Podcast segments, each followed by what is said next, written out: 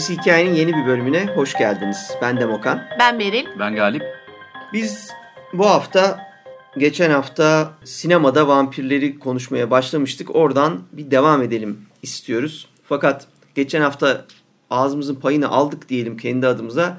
O yüzden bir biraz olayı yavaşlatmaya karar verdik. Çünkü işte 90'lardan 2000'lere kadar sinemada vampirleri konuşacağız diye programın başında size söz vermemize rağmen çenemizi durduramayıp e, anca 1994 yılına kadar konuşabilmiştik. Zaten yani bütün gelişimi 80'lerdeki etkileri filan da girince e, bu kaçınılmazmış. Bununla yüzleşmek zorunda kaldık.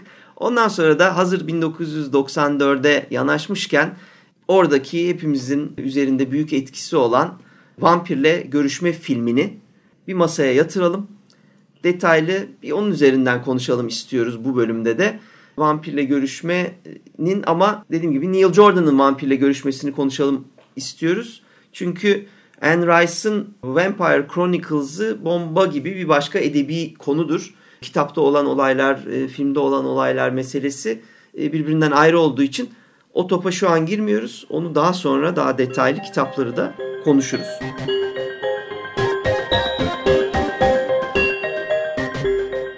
Evet, vampirle görüşme Interview with the Vampire. The Vampire Chronicles.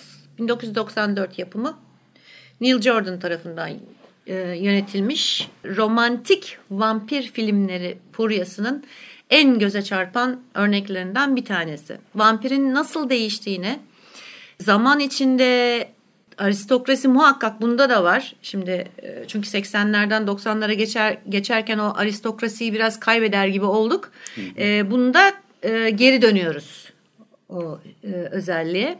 Ancak gene zamanla gelişen özellik olan romantizmin yani vampirin gözünden bakma. Yani biz hep şimdi tabii şeyden bakıyoruz. E, kurbanların işte o duruma düşenlerin gözünden baktık e, o zamana kadar. Şimdi tamamen vampirin gözünden bakıyoruz. Yani aslında e, filmin e, tartıştığı önemli konulardan biri olan ölümsüzlük bir e, hediye midir yoksa bir lanet midir e, sorusu var önümüzde. Evet. Şimdi bu yönden bakacak olursak bir kere filmin atmosferi çok güzel, renkler çok güzel e, kullanılıyor, müzikler şahane. Bana soracak olursanız klasik vampir filmlerinden bir tanesi benim için. Özellikle yeni dönem e, vampir filmleri. Yeni dönem diyorum. Yani hı hı. bu şeye katmıyorum çünkü işte 40'lar, 50'ler, 60'lar vesaireler. 90'lardan sonra bence en göze çarpıcı örnek evet. diyebiliriz. Bütün bu anlatılarda hep şöyle bir eğri ya da bir mail izleriz diye düşünüyorum ben. İlk önce bir e, başlar genelde halk hikayelerinden hep aldığını söylemiştik mesela. Vampirlerde de aynısı söz konusuydu. Kurt Adam'dı şurada burada. Genelde başlar belli bir seviyeye gelir. Ondan sonra çok iyi bir eser çıkartır, çıkar. Bütün klasikleri hem kapsar onları kucaklar hem de e, onu yeni çayla buluşturur. E, çağın korkularını alır ama tabii iyi bir eserse mesela zamandan ve mekandan bağımsız olarak aradan geçen 100 senede 150 senede tekrar tekrar okuyabilir, değerlendirebilirsiniz. Porn eserleri işte Bram Stoker'ın Dracula'sı böyle işler e, böyle işlerin bulunduğu piyasalarda, anlatılarda ya da hani, türlerde hep şunda karşılaşıyoruz. İnsanlar vampirden sıkılıyorlar ya da o anlatıdan, klasikten sıkılıyorlar. Çünkü yani çok iyi bir örnek. Ve ondan sonrası da gelişmeye çok açık değil. İyi bir örnek verildiği takdirde o tarlayı kurutuyor. Oraya kireç dökmüşsünüz gibi bir şey oluyor. Ondan sonra yapılan eylemler esnasında da insanlar uzaklaşıyorlar tabii. Yani vampir hikayelerinin çocuk masallarına ya da hani doğaüstü korkuya vesaire hapsedilmesi gibi bir şey var 1950'ye kadar. Çünkü sinemada öyle destekliyor. E, vampir olduğumu hep kont vampir oluyor ama sokakta kont yok mesela artık. E, 1950'den 60'tan itibaren Matthewson'un Ben Efsanesi gibi eserlerle falan da beraber bilim korku ayarında gene vampirlerin işlenildiği durumlar var. Vampir bir kısım zaten zombiye de bir şeyler katıyor. Şuydu buydu falan derken progresif işler görüyoruz. Bütün 60'lar ve 70'leri tanımlarken insanlar şöyle bir deyim kullanıyorlar. Aslına bakarsanız bütün hikayeler anlatılmıştı. Yeniden anlatılırken kendini keşfetme. O zamanın çiçek çocuklarını birazcık hissetme. Var olan şekil ve yüzeysel yapının dışında bir daha yeniden tanımlama ya da onun baş, bu formun altında ne var onu görmeye çalışma gibi e, çabalar olduğu görülüyor. Ve e, dönüp baktığımız zaman da Anne Rice 1976'da yazmış olduğu Vampirle Görüşmede aslında vampir tarafında işleri nasıl işlediğiyle alakalı belki de ilk ve en iyi örnek oluyor. Çünkü hı. ilk defa birisi canavara mikrofon uzatıyor. Orada o güne kadar korkulan canavar. Bu da diyor ki yani biz de kader mahkumuyuz diyor Louis. ya anlatabildim mi? Şimdi böyle bir durum var. Belki bir hapishanenin içerisindeki birine mikrofon uzatmak gibi. Onların hikayelerini dinlemeye başlıyorsunuz. Ama bu perspektifin gelişmesi gerekiyor. Bir ortaya çıkması gerekiyor. 1960-70'ten önce bu mümkün değil. 76'da ilk kitap çıktıktan sonra 1985'te Vampir Lestat kitabı geliyor ki bizde de hemen peş peşe yayınlandı belki de onunla. Yok, Yok. aralarında bir 5 sene mi ne var galiba. Var. Var bayağı var. Düşünüyorum ben de ya imge ya da çitlenmekten çıkan bir vampirle görüşme var 90'lardan. Bir de 2000'lerin başında galiba Vampir Lestat var. Tamam işte o yani o bayağı geç çıktı. Ha, Çünkü ben e, Vampir Lestat'ı İngilizce okumak durumunda kaldım. Yani başlayınca bulamadım devamını. İngilizce devam etmek zorunda kaldım. Doğru söylüyorsun. 90'larda ben de oradan okuyamamıştım. Ee, ve bu esnada tabii film çekilene kadar e, Anne Rice'ın Vampir Chronicles, Vampir Günlükleri serisi aslında çok ciddi bir doyuma da ulaşmıştı. Yani öyle Louis'i Brad Pitt'in canlandırdığı Louis ondan sonra Tom Cruise'un e, tartışmalı Lestat'ı gibi daha sonra herkes aradan geçen zamanda daha objektif bakarak söylüyor. Benim tanıdığım güvendiğim herkes de e, Lestat olmuş Lestat diye hep konuşur söyler, söylerler böyle. Ve bir şey gerekiyordu. Nedir adı? Henüz ortada böyle bir durum yokken bile Anne Rice'ın serisi aslında belli bir olgunluğa ulaşmıştı. Ama bunu sinemada göremiyordunuz. Görme şansınız yoktu. Neden derseniz 1980 ve 1990'daki vampir hikayelerinde geçen bölümlerde de konuştuğumuz şehirli vampiri biz ele alıyorduk. Yani Lestat'ın vesairenin bulunduğu vampir ya da e, vampirle görüşmenin özellikle merkeze aldığı 1700'lerin sonu vesaire 1800'lerin bizi ilgilendirmiyordu hikaye anlatısında. Ama yani 90'ların korku sinemasına baktığınızda bunların bir karşılığı olmadığını görüyorsunuz hikaye olarak. Ama iki tane büyük örnek vardı işte. Bir tanesi Coppola'nın vampiri. 92 e, Dracula'sı. Ondan sonra ikincisi de Anne Rice'ın kitabından çevrilen Neil Vampir'le görüşme. Neil Jordan'ın e, Vampir'le görüşmesi. Bunların ikisi de geçmişteki bir tarihi anlatıyordu. Ne 80'leri ne 90'ları yakalayan bir hikaye. Vampir'le görüşmenin Türkiye'deki en büyük etkisi şu. Biraz önce senin de söylediğin gibi bu kitaplar çevrilmemişti. Vampir'le görüşme yayınlandıktan 20 sene sonra belki de Türkçe'ye çevrildi. Ve biz hiçbir şey farkında değildik ne olduğunu ne bittiğini. Yani bayağı bir sudan çıkmış balık gibi kaldık. Yani böyle vampir mi var? Vampir evet. tarafından anlatınca böyle mi oluyormuş? Vampirler buna mı dikkat ediyor? Aa fare kanı içmek zorunda kaldı. Şuydu buydu. Biraz da seksi ve çok iyi bir sanat yönetmenliğinin elinde de film ortaya çıkınca çarpıldık gittik. 90'lar boyunca nickname olarak benim de evet. bayağı kullandığım Lestat. Hala 2000'ler boyunca da galiba kullan. Lestat gibi bir canavarla karşılaştık.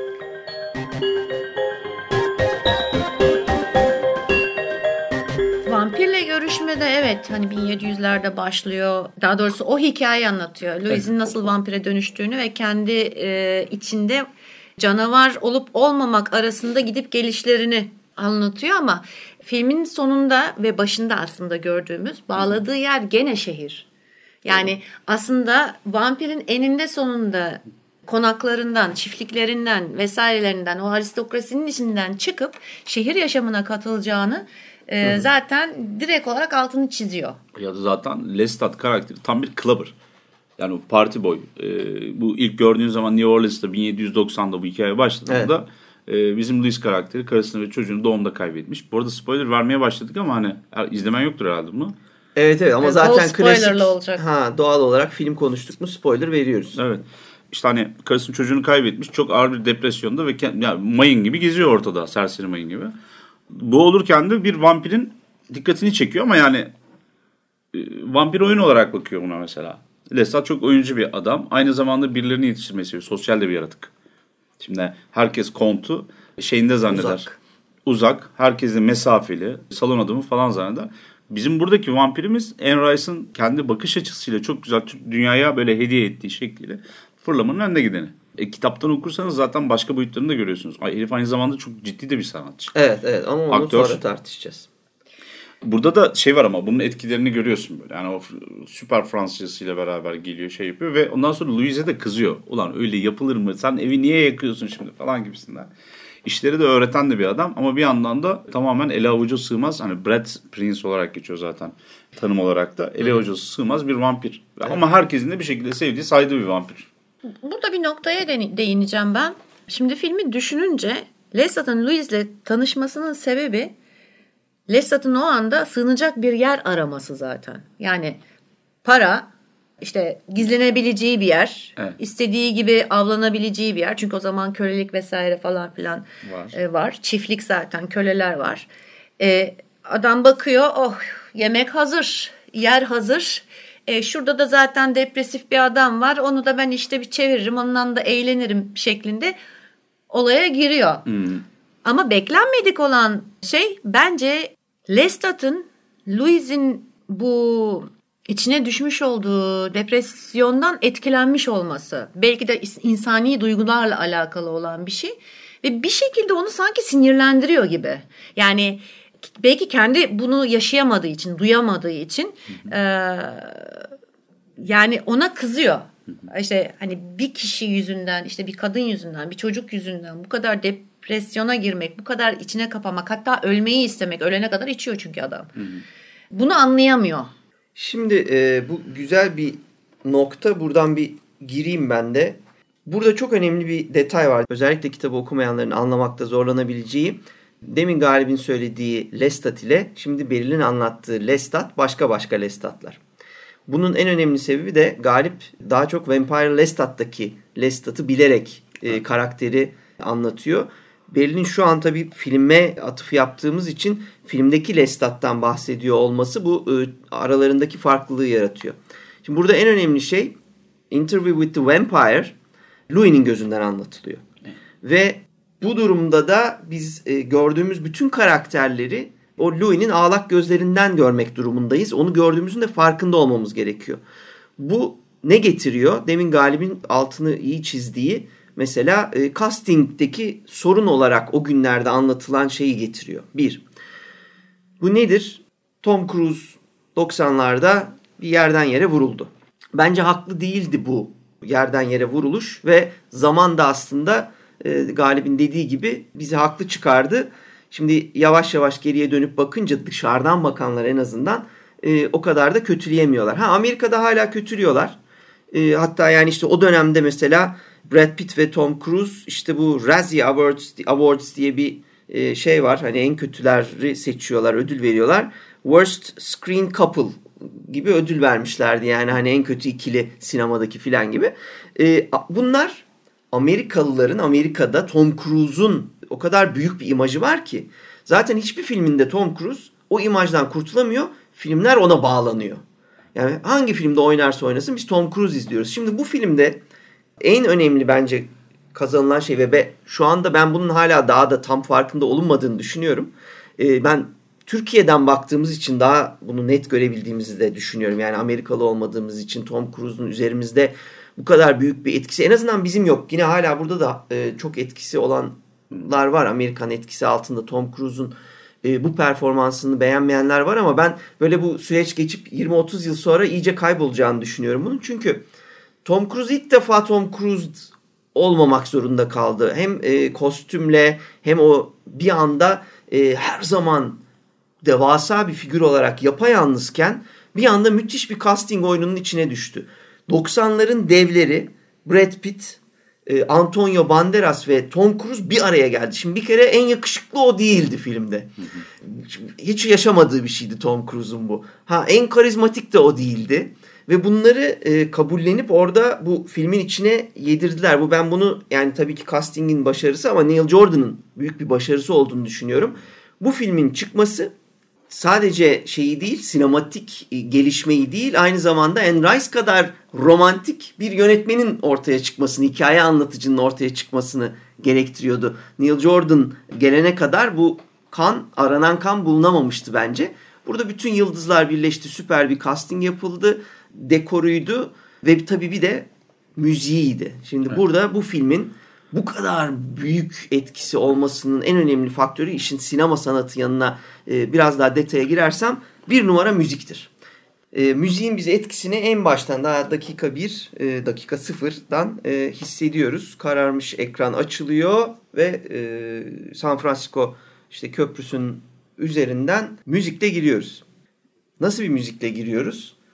E, biz gökyüzünde uçuyoruz kamerayla beraber ve bir koroyla giriyoruz. Böyle doğaüstü ve böyle ilahi duygular uyandıran sesler bunlar. Çok net seçimler olduğunu düşünüyorum. Ve ondan sonra biz e, müzikle birlikte görüntüyü de birleştirdiğimizde o ilahi olan noktadan adım adım e, şehrin içine giriyoruz. Ve sizin ikinizin de demin söylediği o e, göklerden ilahi olandan şehrin pisliğine karışan yolu daha filmin ilk saniyelerinde aslında e, görüntüyle birden birlikte yaşıyoruz. Bamların arasına giriyor işte sokakta yaşayanlar pis müzik derken dandik bir daireye hani ulaşıyoruz. Orada e, Louis ile e, bir gazeteciye varıyoruz. Bir anda ayaklarımız yere basarak bu filme hani giriş yapmış oluyoruz. Sonrasında da müzik zaten e, hızını hiç kesmeden bütün filmi ve bizleri etkilemeye devam ediyor. Yani birebir unutulmayacak filmin görüntüleri kadar üzerimizde etki eden bir Unsur. unsur olarak sürüyor. Üç karizmatik adamı da 90'ların en karizmatik üç adamını da bir araya topladığında e, onları alıp o güne kadar çekilmiş böyle en iddialı romantik vampir filmini de ortaya attığında tabii bu karışımın e, bizleri etkilememesi de mümkün değil.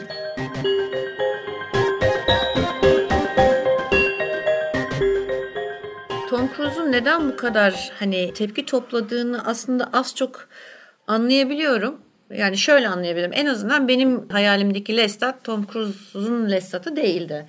Daha bir şey olması yani kısa boylu olması ondan sonra sarışın olması vesaire okey ama daha ne derler daha feminen hayal ettim ben işin açıkçası.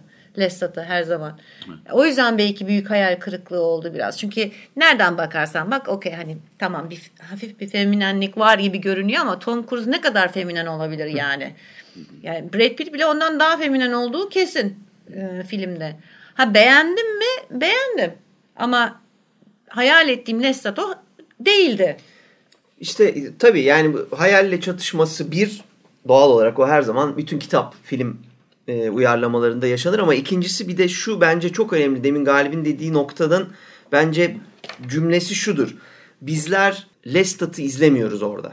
Interview with the Vampire filminde bizler Louis'nin gözünden olan Lestat'ı izliyoruz. O yüzden Tom Cruise çok doğruydu. Yani Louis'nin bakışından olan Lestat'ı çok iyi oynadı bana sorarsanız Tom Cruise. Yani yoksa şeyde oyn yani Vampire Lestat çekilseydi ve orada oynasaydı o zaman ben e, çok farklı bir şey konuşuyor olabilirdik. Evet. Ya o da çekildi de ondaki Lestat da Lestat Hayır, değildi. Tom Ona Cruise Sen severdin Stu Townsend ya. Hayır şey oyuncu olarak severim. Müziklerini de çok severim filmin ama yani Lestat değil. O, onu da bir anlaşalım. O da Lestat değil yani. Değil, tamam, sarışın değil çünkü. Hani sarışın değil. Evet bir parça o da feminen değil. Yani şey olarak o da bana göre fazla erkeksi Doğru Lestat için. Aslında erkeksi noktası doğru bir kenarda. Çünkü yani Anne Rice'la alakalı getirilebilecek en büyük ve en ilk eleştiri çok kadınsı olması bütün karakterlerin. Ve vampirleri de anlatırken çok yüksek bir duyguyla ele aldığı için bir sürü şeyi işin çağrışımları vesairesi itibariyle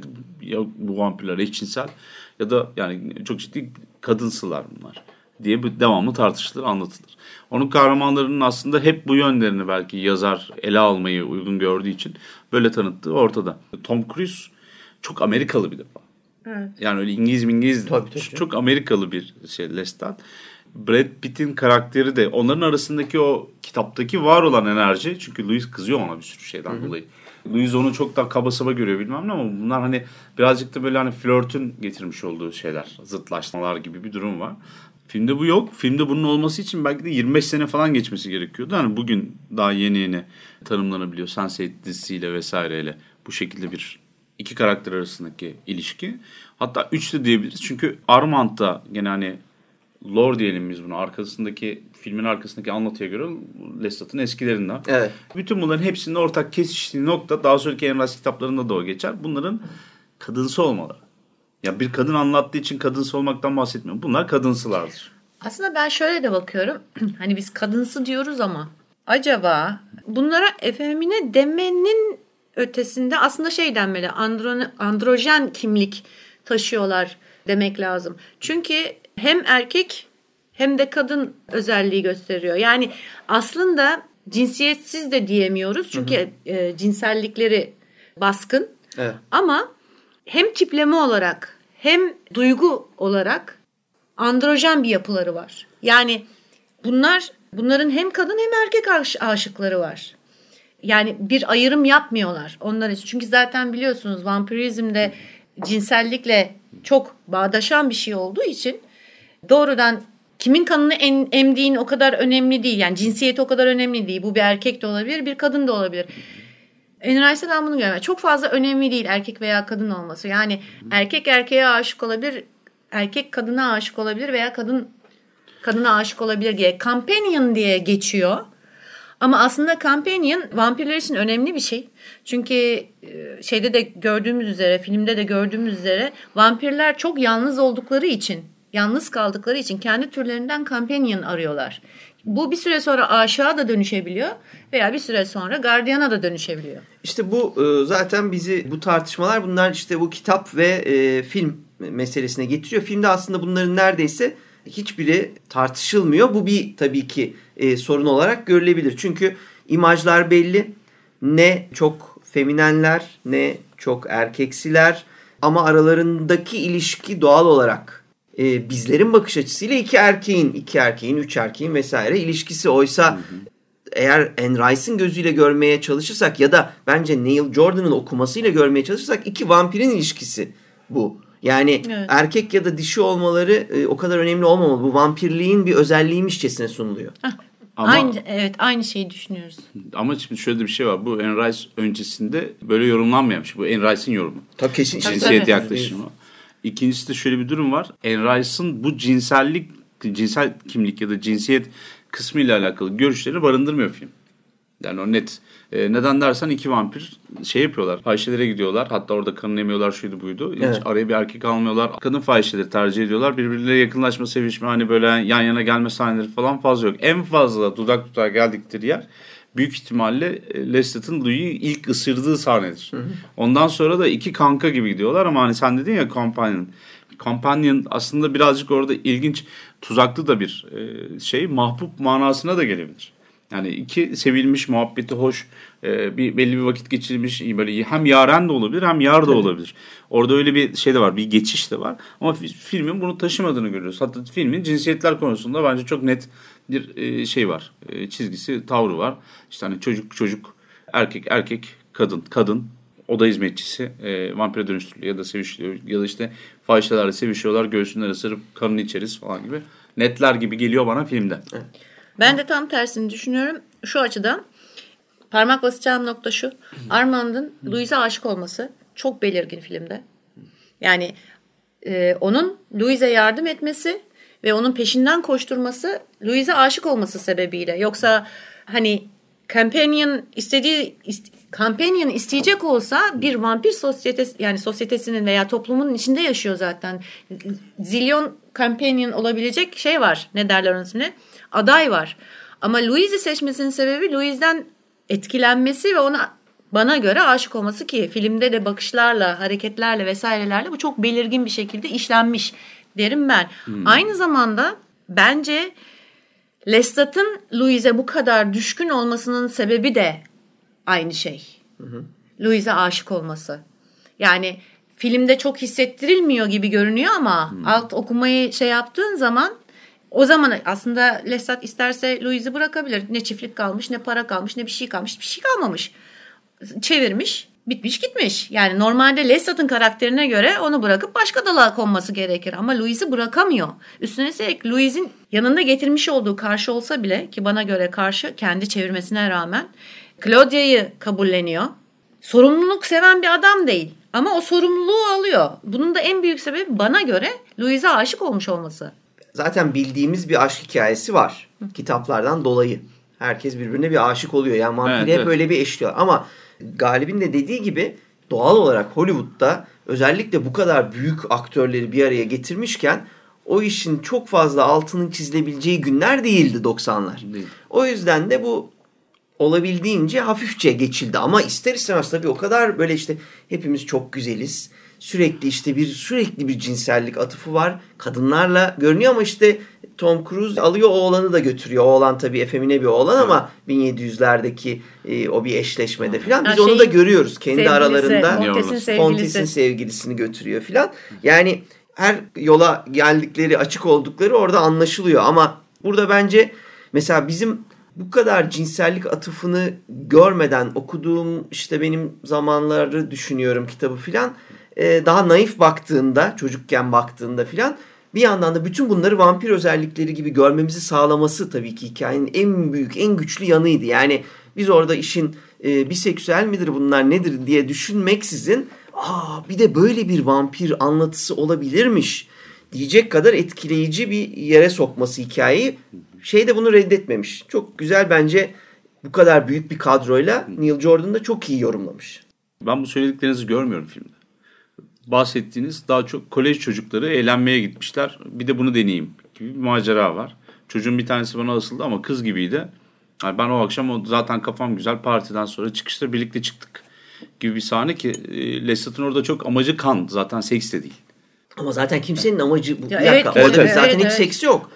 Kan onunla eşleştirdiğimiz için o okumayı yapıyoruz. Yani Ama şöyle bir şey var. İkimizin hiç- ikimizin kalbi aynı anda atıyordu ritim olarak diye. Louis söylüyor benim ilk ısırdığı zaman ya da bileğinden tabii. Lestat'ın kanı içtiğimde kalbimiz aynı anda atıyordu. Yani bu kandan çıkıyor kalp noktasına geliyor. Yani ruhla biraz daha romantik bir yaklaşımla yapıyor. mükemmel bir eşleşme var Tamam ama hiç demek seks ki yok yani. demek ki işte hani bunların arasında öyle bir şey var. Farklı bir duygular var. Yani güdü değil de ya da hani id değil de içindeki hayvani dürtü değil de şey bu işi kotarıyor gibi. Birazcık da bilinçli olarak yapılan bir şey var. Yani onun bir mana atfedilmesi var kalbin atışına falan gibi bir durum var. Filmin genelinde de ben cinsiyetler yaklaşım olarak genelde iki erkeğin imkansız aşkı ya da hani birbirlerinden hoşlanmasından öte genelde hep şeyi görüyorum. İki iyi arkadaş bugüne kadar arkadaşı olmamış vampir Lestat'ın kendine bir aile yaratması. Çocuğu aldığı zaman da kızarak alıyor mesela Louise'i. Kız olarak Claudia'yı vampire dönüştürüyor. Sırf onun puştuk olsun diye. Ama ondan sonra da çocuğu yetiştiriyor. Yani ve biz diyor bir aile olduk diyor. Ona göre davranmaya başlıyorlar. Daha sonra Lestat'ın dünyanın değişik yerlerinde başka aileleri olduğunu da görüyorsun. Hani Grand Guignol ti- neydi? Theater 4 Vampires. Vampires. İşte Vampirler Tiyatrosu'nun içerisinde de gene adamın bir koveni olduğunu, orada da hani arkadaşları, kankaları, belki sevgilileri olduğunu görüyorsun gibi bir durum var. Ben şunu demek istiyorum sadece Neil Jordan'ın falan bu üzerinde durduğu bir şey değil. Ha biz bunu kitapla beraber okuduğumuz zaman bambaşka yerlere çıkıyor ama filmin içerisinde geçmiyor. Bunlar bayağı straight erkekler yani. Karşı cinse karşı çok daha şey yapanlar. Ben- yani dediğim ben gibi o kadar evet o kadar kesin Evet, ben de kadar katılamam çünkü değil, evet. straight görünmüyorlar, straight hareket etmiyorlar. Bir de mesela aile kurmak filan iki erkeğin normalde yaptığı şeyler değildir bir çocuk almak filan. Bunlar daha bugünlerde anca Amerika'da e, yasallığa kavuşmuş filan şeylerden bahsediyoruz. Amerika'da bunları görerek atılan e, Neil Jordan'ın bence onlar öyle ince kesinlikle şeyde haklıyız. Yani hiçbir zaman kitaptaki gibi bir cinselliği, kitaptaki gibi bir efemineliği, kitaptaki gibi bir durum Yok. açıklanmasa da ki zaten dediğim gibi sinema onu o dönemin sinemasının onu kaldırması mümkün, Mümkün görünmediği için ama bu tarz atıflarla güzel bir birliktelik sağlıyor. Annie Rice'ın bu bakış açısı yani companion aynı zamanda aşık daha doğrusu cinsiyetin çok da önemli olmadığı yani cinsiyet farkının çok da önemli olmadığı vampir profiline sonrasında hem edebiyatta hem sinemada çok çok görmeye başlıyoruz. Aslında bir çığır açmış oluyor bundan. Evet. Yani vampir e, silüetini çok daha farklı bir kalıba sokuyor. Enrice bu fikri geliştirmeden evvel ya da bu bakış açısını geliştirmeden evvel Hammer filmin falan örnekleri var böyle işte hani daha sonra başka şeyde, İtalyan versiyonlarda da var galiba. Lezbiyen vampirler gibi şeyler var. Galiba bir kısmı Türkiye'de çekildi mevzusu vardı. Carmilla var işte. zaten e, işin Seksi şeyinden bakacak olursan. zaten evet, tabii. evet. Ee, Carmilla'da da hani o şekilde yaklaşmıyorlar. Bu 60'ların 70'lerin biraz daha cinsel özgürlükçü e, yaklaşımını getirmiş olduğu bir e, perspektif. Çünkü 70'lerin başında vampir filmlerinde seks ve cinsellik tartışılıyor aslında. Her filmde ayrı ayrı yorumlanıyor. Bu da bir şeye getiriyor. Vampirler cinsi, bir cinsiyeti var mıdır? Cinsiyetsiz midir? Çünkü hani insan değil bu artık bahsettiğimiz. İnsana benziyor ama benzemiyordu. Kurda kuşa dönüşüyor. Arası oluyor. Yani o nedenle bunun bir cinsiyeti var mı bunu tartışır mıyız? Ama bir yandan da şimdi hani dikkate aldığım bir iki tane şey var. Anlatı ve kitap var örnek. Onlar da diyor ki mesela Last of the Vampire bir, bir kadını baştan çıkartması var Dracula'nın. Daha evvelde gene vampirin, dişi vampirin erkeği, erkek vampirin de dişi kadını baştan çıkartmasıyla evet. alakalı hikayeler var. Yani ilk örneklerde bunun üzerine. Daha sonra yorumlana yorumlana gelen işte hani bu lezbiyen vampirleri falan işin içine koyarsın. Ee, zaten Mario Baba'nın Planet Vampire ile beraber e, bir o göndermeyle beraber belki de hani uzaylı vampirler bilmem ne derken aslında insan formundan insan bilinci ve yaklaşımından birazcık sıyırıyorlar, uzaklaştırıyorlar. Anne Rice'ın bence vampir hikayesine getirmiş olduğu en büyük şey vampir duygularını artık anlatıyor olması. Yani e, zaten işi geriye doğru düşündüğümde ben e, kültürel olarak vampir nasıl bir lore olarak başlayıp iğrenç bir yaratık iken adım adım bu güzel, e, romantik, asil olmayan, e, bir ara önce asil olan sonra asil olmayan adama doğru dönüşürken aynı zamanda da işte o lore olan, o ilahi olan, o bambaşka bir yaratık. Yani insan değildi Değil. hiçbir zaman eskiden. İnsan değildi. Evet. Oysa biz şimdi vampirle görüşmede o iş tam işte karışmaya başladı. Çünkü içeriden bakmaya başladık. Ne kadar vampirin gözünden bakıyoruz desek de anlatıcı bir insan olduğu için doğal olarak aslında vampire insan özellikleri koyarak sen bir e, yorum yapıyorsun. Çok subjektif bir yorum ister Hı-hı. istemez bu. Bunun sonucunda da zaten bugün geldiğimiz yerde özellikle 2000'lerden sonrasını konuşurken yine tekrar ederiz. Vampir artık insan olmayan bir yaratık değil. Sadece kan bozukluğu yaşayan bir insan olarak artık her noktada tanımlanıyor. Bizi o şehirli vampire zaten o şekilde getirdi. Bir de şimdi tabii bunun bir altı da var. Hemen iki yıl evvelki o çekilmiş olan Coppola'nın Dracula'sı bence bunun yolunu açtı. Ya da hani diğer daha evvelki canavarı anlayalım. Hani böyle e, dedeye yardımcı olalım tadında böyle hani bir şey var ya canavarı manalandırmak işte hani o da aşk çocuğuymuş falan gibi getirdiler. Gary Oldman'ın karakterini koydular. Çok da güçlü bir temsil olduğu için evet. e, kimse reddedemedi de bunu. Ama madem Gary Oldman yapıyor işte hani elimizde de çok iyi bir şey var. E, bir Enrise altyapısı var ya da çatısı var. Onun içinden ilerleriz gibi bence bir temas kuruldu. Çünkü hani canavardı, insana dönüştü. Yani süper insan da değil. Ee, bazı özellikleri var ama gece yaşamak zorunda. Yani hayatını ona göre evirmek zorunda falan. Yeni insan mı diyeyim bir şey ama insan yani. Yani paydasını. Evet.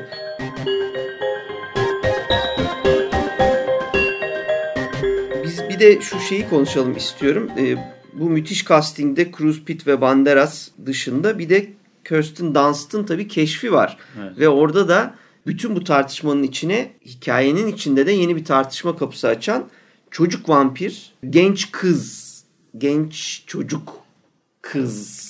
Çocuk bedenine yani o büyümeyen, kalan. ha, o sıkışan kadın meselesi var. Yani burada da bence Kirsten Dunst tabii bayağı müthiş bir casting. Yine geleceğin en harika aktrislerinden biri orada doğuyor. Siz ne düşünüyorsunuz bu o büyümeyen yani çünkü birisi Bu kadının, büyümeyen adam evet. e, değil. Herkes onlar büyümüş değişmemeleriyle sorun çekiyorlar. İçsel olarak. Öbürü ise vücuduyla sorunlu. Şimdi evet bu kadının e, aslında tekrar Kirsten e, Dunst'ın e, konuşacağımız zaman ben şeyi görüyorum. Gene sanat yönetmenliğinin bir mucizesini görüyorum. Çünkü dönemin porselen bebeklerine çevrilmiş olan bir 12 yaşında bir kızcağız var. Hatta film çekildiğinde 11. Ve sadece büyümüş küçülmüş olayları sergilemiyor, davranışları sergilemiyor. Aynı zamanda da çok çok çok çok iyi bir oyun da veriyor. Yani filmin en sıkıntılı belki hani baş kötünün karşılaşacağı, çatışacağı, dövüşeceği kişi haline geliyor. Kahraman çünkü bizim kahraman Louis biraz daha geride bir kahraman. Ee, o belki de hikayeyi kendi anlattığı için narrator formatında duruyor ve Lestat'la kapışmayı, çatışmayı bir şekilde Claudio'nun üzerinden biz alıyoruz. Çünkü Claudio bir şey kızıyor Lestat'a. Louis kızıyor ama içine atıyor. Ya da idare ediyor. Daha sonra bunlar barışıyorlar ama öyle bir şey yok. Yani Claudio zaten intikamını da alıyor daha sonra. Neden bir intikam aldığı da ayrı bir konu. İşte hani e, Lestat'la o şey çatışmasını yaşıyor benim gözümde. Ulan seni ben var ettim diyor ya hani evet. Louis seni öldürmüştü ben var ettim muhabbeti var. Sen işte hani anne zannedip o açlıkla seni yemiş bitirmiştir. Vampire çevirdim bildiğin her şeyi öğrettim sana. Ve oradaki o yıkımı görüyorsun. Lestat'ın aslında hani boğazı kesildiği zamanki ayak kırıklığını görüyorsun. Bu duyguyu yükselten kişi de gene Kristen Dunst. Aynı zamanda da tabii şeyi de görüyorsun. Kız büyümüyor. Yani büyümek nedir mesela bunu bir ayrı konuşmak gerekiyor. Evet. Hem vücudunda bir değişim olması gerekiyor ki bunu acı yoldan bir şekilde hepimiz alıyoruz, öğreniyoruz. 3 sene 5 sene evvelki kişi değiliz, olmayacağız da. 10 sene sonraki kişi de değiliz. Buraya hapsolmuşuz ama bu kız öyle değil. Bu hep küçük kız olacak. hep küçük kız saçında olacak. Fırfırlı altın saçlar. Evet. Ondan sonra hep böyle bebekler alınıyor ona bu yüzden. Ya ben büyüdüm artık şey yapmayın bana yapmış olduğunuz muamele bu değil. Yani bir genç kızlık da yaşayamayacak.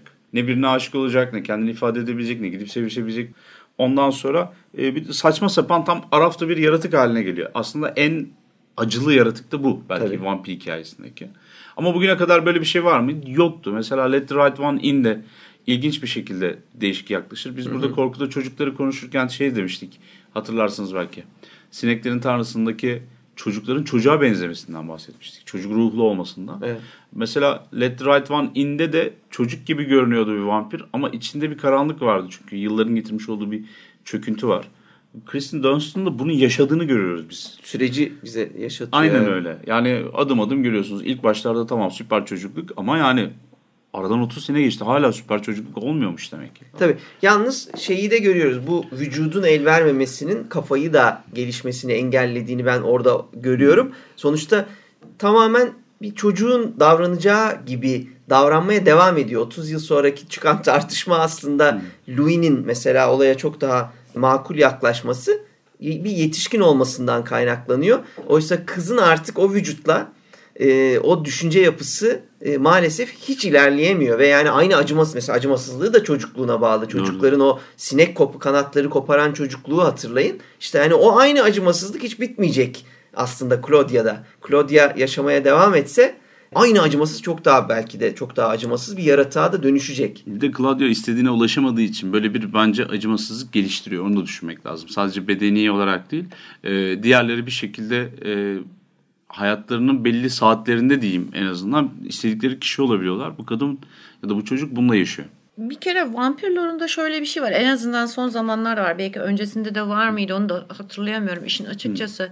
Vampir toplumlarında ki top, yani vampirler artık toplum olmaya başladıklarından itibaren çocukların vampire dönüştürülmesiyle ilgili bir yasakları var.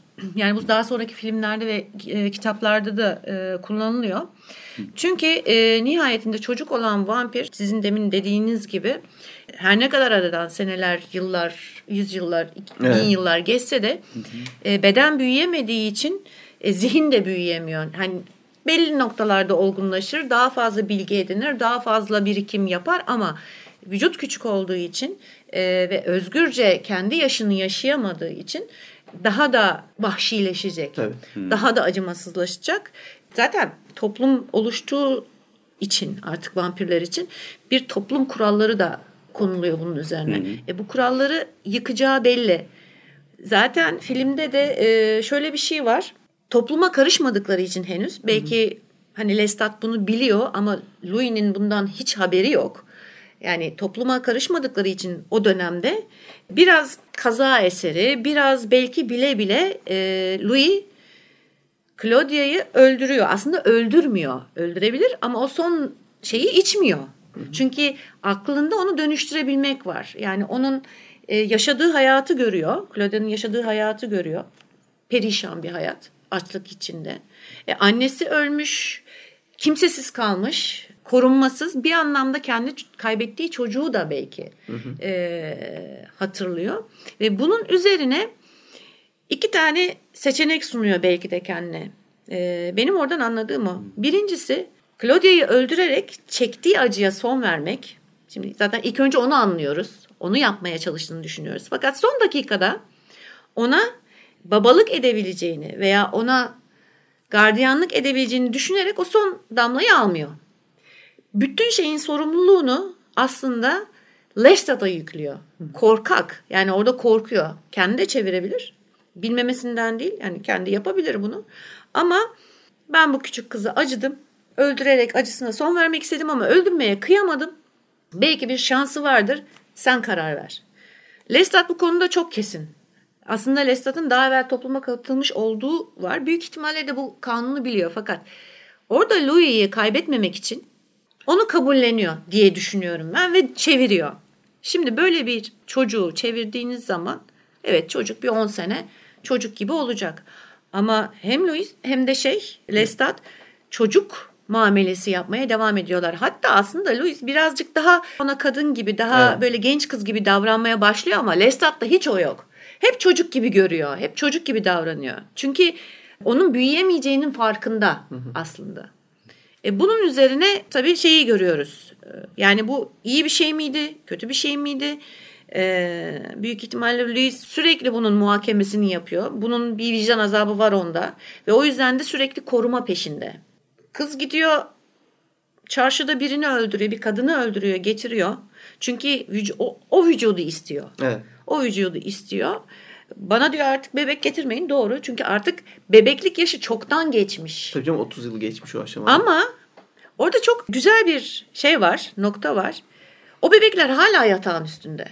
Yani bir kadın olsa, yani bir kadın olarak onların yatak yatağın üzerinden kalkıp başka bir yere yani bir ne bileyim bir rafa bilmem neye yerleştirilmesi lazım. Benim de var pofidik oyuncaklarım ama yatağımın üzerinde değildir yani bir yerde hatıra olsun diye saklarım 30 senelik oyuncaklarım var. Ama Tabii ama orada şey de çok güzel anlatılmış. Yani o altına e, o kadını gizlemek için Ceset de var. kullanıyor olması bir yandan da yani hani gerçekte sahip olmak istediği o vücudu o oyuncak porselen bebeklerin altındaki bir mezara gömüyor. Aslında oradaki şekilcilik de metafor Tabii gibi tabii orada Evet, yani o kadar çok gibi. ki aslında tabii filmin en keyifli yanlarından biri de o sürekli yapılan atıflar. Yani bir yandan çocuk olarak bunu ediniyorlar. Derken Louis'nin arasındaki ilişki aslında çocuk olmaktan çıkıp daha sevgiliymiş gibi beraber gidiyorlar, danslara katılıyorlar. Ondan sonra hatta e, onların Armand'la konuştuklarında e, Claudia'ya o benim çocuğum dediğinde Louis o sevgilin o senin gibi bir e, geri dönüşü bile var. Hissedilen artık açıkça hatta adı konulan bir ilişkiye dönüşü. Burada biz sadece eşcinsellik atıfını hissediyoruz hissetmiyoruz ayrı ama eşcinsellik atıfını bir aile kurmuş iki adam bakış açısından düşünürsek bir yandan da enseste de aslında giriyor bu hikaye. Evet doğru. Buradan da kaçmıyor. Tabii bunların hepsi sinemada Neil Jordan'da e, açıkça kaçıyor. Yani tabii ona uzak durmak için elinden geleni yapıyor ama bence atlamayarak bunları da minik minik cümlelerle Orada bütün hissettiriyor. orada zaten en büyük kaçar noktası da şey e, Jordan'ın. Ya bu Claudio deli ya falan deyip yani anlatabildim mi? Çünkü hani bir sürü şeyi aslında kendi, kendi içerisinde de hep bunu görüyoruz. Ama Lestat'ın yaklaşımı Claudio'ya bizim Louis bir bok yedi. İşte annem uyandır annem uyandır derken mesela hani çaresiz Claudia. Evet. Bu gitti e, bir anda onu ısırdı ve ondan sonra tam öldüreceği yanında ölüme bıraktı. Vampire de dönüştürmedi. Daha sonra Lestat onu alıp getiriyor. Ya senin başladığın işi ben bitirdim. Sen çünkü geri zekalısın ve vampir olmayı bir türlü kaldıramadın. Beceremiyorsun A- bir Aptal yani. Louis aynen öyle. Ve onu zorunda bırakıyor ki hani bu kız senin yüzünden vampire dönüştü oğlum. Sorumluluk sahibi olacaksın bilmem ne falan gibisinden bir, bir şey var. Onların arasında bir hani Acayip atar bir var bağ yani. kuruyor bir de Evet. yani. İster istemez müthiş güçlü bir bağ kuruyor. İlk başta da Claudio'yu şey diye seviyor. Claudio Louis'in olamadığı kadar acımasız. Vampir gibi vampir Tabii. davranışı. Lestat'ın hoşuna gidiyor falan ama bir yandan sonra da hani şeyde fark ediyor. Claudio da belki o bedene hapsolmanın da vermiş oldu. Hiç büyüyemeyecek olmanın da vermiş olduğu bir şey var. Bir tatminsizlik, onun ruhunu zehirleyen bir şey var.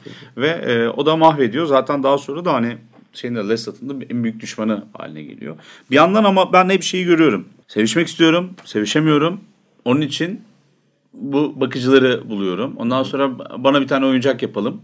Ben ben de işte birini ben çeviremiyorum ya da hani tam oradaki ilişkiyi hatırlayamıyorum ama Dönüştüremiyor yani. Hani dönüştüremiyor. dönüştüremiyor, En azından dönüştüremeyeceğine inanıyor. Yani yetişkin olmadığı için orada açıklama yapılmıyor ama o yetiştiremeyeceğine kesinlikle Evet, inanıyor. Denemiyor bile. O yüzden e, Louis'den dön- dönüştürmesini harekette istiyor. bir şey yok o ritüel basit yani ölmeye yakın bırakacak ve ondan sonra da Kendi kanını kanını verecek. Orada zaten şey diyor yani senin Lesat'ın var ya da Lesat'ın yani senin Louis'in var ama benim de biri olması lazım. İşte onu diyorum ben de bir ensest olarak yani Louis'le kendisini aşık gibi görmek göstermek yerine bana da birini bulalım ben de onunla eğleneyim takılayım falan gibisinden Neil Jordan orada birazcık hani Tabii işine de orada geliyor, direkt atıyor topu. aileye dediğin gibi şimdi o zaten eşcinsel çiftin çocuğu olmaktan çıkıp normal ölmeyen bir anneyle ölmeyen bir çocuk bir araya gelsin gibi bir noktaya bağlıyorlar. Evet, son, evet, son evet. noktaya gelindiğinde. Aslında orada şey de var yani Claudia'nın aslında zihinsel olarak da asla büyüme, büyüyemediğinin bir e, göstergesi tabii. anne istemesi. E,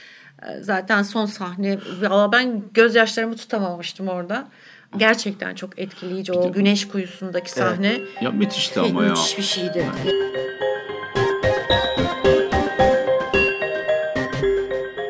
O devir için yani kan kullanımı mükemmelle yakındı. Hı.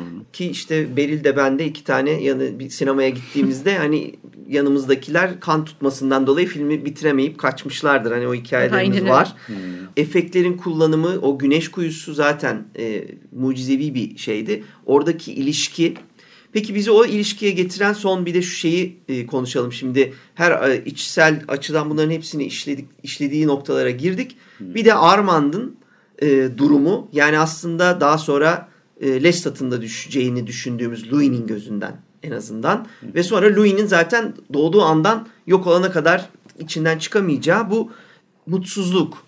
Çok yaşamanın dünya değişirken senin kendinin aynı kalmasının tıpkı aslında acaba hepsi mi birer çocuk oluyorlar? Hepsi mi birer Claudia düşüncesini oluşturan? Çünkü yani Claudia işte atıyorum biz 40 yıllık bir sürede Claudia'yı 35-40 yıllık bir sürede izliyorsak orada normal bir insan yaşamında büyümeyen bir kızı izliyoruz. Ama 300 yıl boyunca yaşayan ya da 500 yıl boyunca yaşayan bir vampirin de aynı şekilde o genç insan e, bedeninde artık yeni çağla bağ kurup kuramaması meselesi açılıyor. Ama bunun gençlikle yaşlılıkla bir alakası yok. Bu tamamen çağ dışı kalmakla alakalı bir şey var. Yani kuşaklar geçiyor, zaman geçiyor. Yeni modalar ortaya çıkıyor. Yani yeni bir moda oluyor. Mesela senin takip ettiğin, içine sinen, belki karakterini oluşturduğun şey çağ dışı kalıyor. Yeni gelen teknolojileri takip etmek istemiyorsun. Çünkü sen bir öncekiyle çok mutlusun. Ama zaman ilerliyor. Yani Lestat'ın hep söylemek istediği o belki de. Louise başından beri. Ulan gerizekalı hayat devam ediyor bu, bu travmayla bütün ömrü boyunca bir travmayla yaşıyor. Çünkü o çok büyük bir yara evet. Louise'de. O çocuk ve e, karısını kaybetmesi New Orleans'taki vakadan. Hastalıktan mı yoksa doğumda mı kaybediyordu şimdi hatırlamadım. Ona, onun için kitaba bakmak Doğumda lazım. Doğum galiba. galiba. Kitaba bakınca kitapta kardeşi zaten kadın değil. Yani kitaptaki hikaye ha, ha, ha, Doğru. Ondan sonra e, şey var. Bunu hep yanında yüreğinde taşıyor ve bu adamın gençliğiyle yaşlılığıyla alakası yok. Sadece sıkıntılı olduğu yerde saklandığı şey bu acısı galiba. Ama işte peki o zaman yaşlılık tam olarak da bu değil mi sorusunu bende uyandırıyor. Çünkü e, çağı kaçıran adam imajını yaşadığımız kendi içimizdeki dünyada ben düşündüğümde her seferinde bakıyoruz. Bu zorunluluk değildir tabii ki ama yaşlılarda bizde çok normal insan yaşamında her zaman o bir yaşlı tepkisidir. Belirli bir şeye alışırsın, bir süre durursun. Ondan sonra artık onun değişmesinden rahatsız olur. Yeni gelenleri kötülemeye başlarsın. Yeni gelenlerle uyum sağlayamazsın. Kendin gibilerle takılmaya devam edersin durumu vardır. Bu bende o soruyu hep uyandırıyor. Bunu bir red olarak söylemiyorum hmm. ama e, o insan yaşamına kısalttığım zaman bu vampir hikayesinde bunu hı yaşlılarda görülen normal e, bir durum gibi geliyor bana. Bir de e, ekleyeyim, artırayım mesela orada. Şey durumu da var. Kayıplar söz konusu. Sevdiğiniz insanları kaybediyorsunuz. İnsanları kaybediyorsunuz mesela. Geri kalan her şey ölümlü ya. Evet. Siz ölümsüzsünüz ve aynı zamanda hani bu gene Kristen Dunst'ın oynadığı Claudia karakterinde olduğu gibi hapsolmuşsunuz. Sonsuza kadar genç olacaksınız ama e, binlerce ölüm tadacaksınız falan. Birçok vampir çağ dışı kalmayı vesaireyi kaldıramıyor. Bu kitap bunu izah etmişti mesela. Gömüyorlar kendilerini. Birkaç yüzyıl boyunca saklanıyorlar. Kendi kendilerini şey yapıyorlar. Evet. O yüzden belki de etrafta çok eski büyük vampirler yok. Çünkü onlar zaten hani o dünyayla iletişim de kuramıyorlar falan gibi bir durum var. Ama muhafazakarlık değil de hani yaşlı huysuzluğu gibi Hı-hı. ben görüyorum.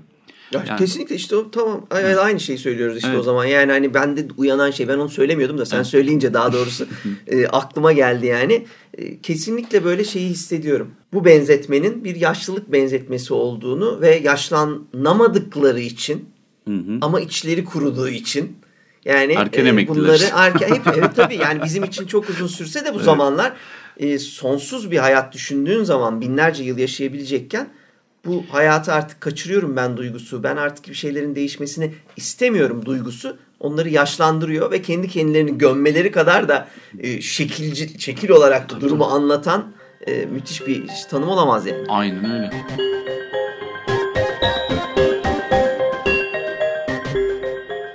Şimdi Louis'i düşünüyorum ben biraz da. Louis bir çiftlik adamı. Yani Louis'in partilerle vampir toplumlarıyla veya diğer vampirlerle veya vampir olmadan önce o sosyeteyle çok fazla bir bağlantısı yok. Yani her ne kadar aristokrat olsa da veya toprak ağası olsa da vesaire de olsa e, sonuç olarak işte eşiyle, çocuğuyla ne bileyim işte köleleriyle kendine ait bir toplum kurmuş. Orada kapalı yaşayan bir adam. Yani bu bir sosyete adamı değil. Bu bir çiftlik adamı. Hı hı. Şimdi Lestat onu alıyor. Bir kere o toplumu yok ediyor. Yok olmasına sebep oluyor onu vampire dönüştürerek. İkinci olarak onu şehre sürüklüyor. Üçüncü olarak da e, onun vampir toplumu ve vampir kurallarıyla e, karşılaşmasına sebep oluyor. Şimdi bu üç farklı şey vampir olmanın yanı sıra yani e, kan emmeye alışmak, öldürmeye alışmak, işte e, ne bileyim kendi yaşam, kendi yaşamın için, kendi e, survival'ın için bir başkasının hayatına son verme paradoksunun içinde zaten yaşadığı bir şey var. Ne derler ise bir zorluk var. Ama bunların ötesinde zaten hani dağdan indim köy, e, dağdan indim şehre e, psikozu da var. Yani bütün bunlara alış bir kere partilere alışmak zorunda kalıyor. Fahişelere alışmak zorunda kalıyor. İşte ne bileyim belki de aileyi yani aile kurmak istemesinin sebebi kaza eseri de olsa bu. Yani o çiftlikteki hayatını arıyor aslında. Hı hı. Topluma karışamamasının sebebi de o. Sonrasında zaten o toplumu reddetmesi de o. Tam bir Amerikan, Orta Amerika yani Kuzey Amerika'nın ortası, Orta Batı diye tabir ettikleri bölgede hani e, güzellemesi bu. Hı hı. Tam bir Amerikan orta sınıfı, Amerikan köylüsünü aslında anlatıyor. Doğru söylüyorsun. Çünkü hani gururlu toprak sahibi, toprak bir şekilde mülk olarak kalmış ve e, parıltılı şehir yaşantısına özenmeyen, e, aynı şekilde orayı da bir şekilde reddetmeyen ama ama burası da bana hiç benlik değil falan diyen bir tipi bir portreyi çiziyor aslında baktığınızda böyle bir yapı aslında sunuyor ve hani tutunamaması o. Ama bir yandan da bu, bu Amerikalı mesela. Hani Amerika'nın dünyayı satmaya çalıştığı şey bu. Çünkü hani Amerikalıların öyle olmadığını da özünde biliyoruz. Niye? Parası varsa bir şeyden geri kalmak istemiyor Amerikalı da. Hı hı. Amerikan köylüsü. Uzak olabilir ama gidip YouTube'a bir bakın bakalım. O toprak sahibi olan Amerikalılar bugün hiçbir şeyden geri kalmıyorlar. Kameralarını alıyorlar, oyuncaklarını alıyorlar. Her şeyi bir şekilde takip ediyorlar. Louis ve onun bedeninde canlandırılan Super Bowl'da 4x2 pick-up satılmaya çalışılan Marlboro Man gibi yaşayan adamlar hı hı. aslına bakarsanız tamamen bir pazarlama unsuru ve Amerikalıların çok sevdiği orta sınıf ya da hani dürüst köylü imajı. Hı hı. E, Türkiye'de de gene aynısı ama biz de görüyoruz. O, kimse de öyle çarıklı milyoner gibi takılmıyor. Evet. Ya da bu benlik değil falan gibi olmuyor. Çünkü yani insan doğasının belli kuralları var. Ortama girdiğinde bir şey arzuluyor ki orada bulunuyor gibi bir şey var. Louis tarafında böyle ama mesela Fransız soylusu ya da hani birazcık daha o taraflardan gelen Lestat, Lestat da hani böyle uzakta bir yerde artık eskisi kadar varlıklı olmayan bir aristokrat aileden geliyor. Belki de kendini görüyor orada. Şöyle bir tanım yapıyor mesela diyor ki yani Paris'ten gazeteler gelirdi diyor. Annem diyor şuna dikkat ederdi falan. Orada bir bilmek var. Yani o daha dürüst bir e, tanım Anne Rice'ın karakter yaratımı esnasında. Bu nedenle de hani beni daha çok yakalıyor. Daha manalı geliyor. Ama hani Louis'in duruş itibariyle oralarda bulunamıyorum. Bu şehir yaşantısı, bu insanların kanını emmeler, şunlar bunlar hiç benlik değil abi. Duruşu, tavrı başından beri. Hatta birinin kanını içeceksem kötüleri hırsızları yiyeyim falan gibi böyle ucuz bir yaklaşım ki çünkü hani bunlar çok masal yaklaşımlar bence. Evet. İşte hani çocuk öldürmeyeyim ama yaptığım acıyla sonsuza kadar yaşayayım. Yani Claudio'yu ısırmış. Yani hayat bu insanın başına her şey geliyor Louis'cim falan demek istiyorsun ki Lestat bunu galiba 10 dakikada bir söylüyor. Söylüyor.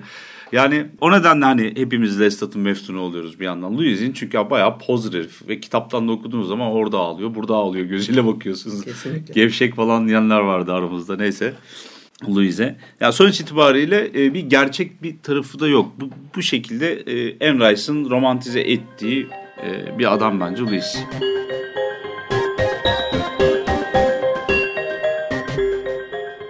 Louis'in çiftlikten çıkıp şehre gitmesi, işte daha sonrasında vampir toplumuna karışması, uyum sağlayamaması, tüm bunlar tesadüf eseri zaten ya da kaza eseri. Hayatındaki her şeyi kaza eseri görüyor zaten. Yani bir bir seçim yaptığını düşünüyor ve bu seçimin onun başının yani sonsuz sonsuza kadar sürecek bir belaya soktuğunu farz ediyor. Hı hı. Fakat e, özellikle filmin başında ve sonunda göreceğimiz üzere hala ağlıyor orası kesin. Hı hı. Ancak çiftlikten sonra şehre alışması, işte e, gelişime alışması, kendini kabullenmesi, bir kere kendini kabullenmiş olduğunu görüyoruz. Bu çok önemli. Ama şu var, bana göre Louis daha yani şeye gelişmelere ve geleceğe daha uyum sağlıyor. Çünkü öğrenmek zorunda kalıyor. Hı hı. Yani baştan itibaren o düzeni öğrenmek zorunda kalıyor. Acı yoldan da olsa. Bu benim aklımda hep bir sorudur. Louis bunu gayet güzel öğreniyor. Peki Lestat onu çok fazla göremiyoruz sonunda zaten. Ancak işte arabayı hemen kavrayıp arabayı sürmesi vesaire şunu da anlatıyor. Okey Louis uyum sağlamış ama Lestat daha iyi uyum sağlar. Çünkü daha acımasız. Çünkü Lestat çoktan kabullenmiş ne olduğunu. Ona göre yaşıyor ve e, yeni dünyanın getirdiği acımasızlığı da yani o kibarlığın kaybolması, o işte bir takım insani değerlerin daha e, hafiflemesi vesaire bunların hepsine çok daha rahat uyum sağlayacaktır. Hı hı. Çünkü zaten o öyle. Evet. Ama şu da var. Bütün şey boyunca tamam Louise ağl- ağlıyor diyoruz. İşte Lestat'a acımasız diyoruz. E, fakat Louis Lestat'tan daha olgun. Karakter yapısı olarak daha olgun. Düşünce yapısı olarak daha olgun. Lestat e, çocuksu olmasına rağmen daha gerçekçi. Hı hı. Yani şurada şöyle bir denge kurulmuş. Louis fazla romantik, Lestat daha gerçekçi. Bu yüzden sonuçta vardığım nokta bence Lestat'ın çok daha iyi uyum sağlayacağı yeni dünyaya. Evet. Bir de Lestat başından beri e, geçmişe takılan bir adam değil. işin özünde. Yani olduğu şeyi bir şekilde kabul edip kendi gözünü kulağını kapatıp devam yani hayatına devam edebilen biri. Bir şeyleri reddetmeyen bir ilginç bir şekilde merakı vardır bazı insanların yeni şeylere karşı. Mesela hani bir kedi merakı gibi değil açık olmaktan bahsediyorum bunu. Ee, buna sahip aslında Lestat birazcık ve diğer vampirler de zaten bunu paylaşmıyorlar. Yani evet. belli bir yaşın üzerindeki vampirlerin yapmaması gereken şeyler var. Lestat yapıyor. Lestat hatta evet. Bu nedenle de hani bir şekilde kalıyor ama yani Lestat her zaman için aslında şeye açık ve e, yeni insanlarla tanışmaya da kendi ölçüleriyle son derece şey ve pervasız diyebiliriz. Lestat için pervasız evet. Bayağı pervasız. Çünkü hani çok fazla ucunu düşünmüyor ve eğleniyor da. E, neden derseniz adama da şey diyor. Sana diyor biraz önce ısırmış herifi. Ya ölecek evet. ya da hani şey Şans evet seni vampir yapayım mı diyor. Hani bana hiç tanımadıkları şansı veriyorum diyor. Ya bu eksik olma yani.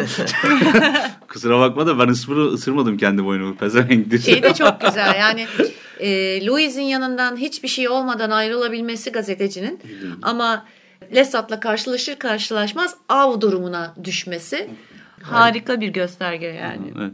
Tabii orada Lesat'ın kana ihtiyacının olması da söz konusu. Yoksa belki Christian Slater'a sonra gel koçum ben daha yeni yedim falan diye. Şimdi attım falan Yok da oburu oburu önüne geldi mi yer ben söyleyeyim sana.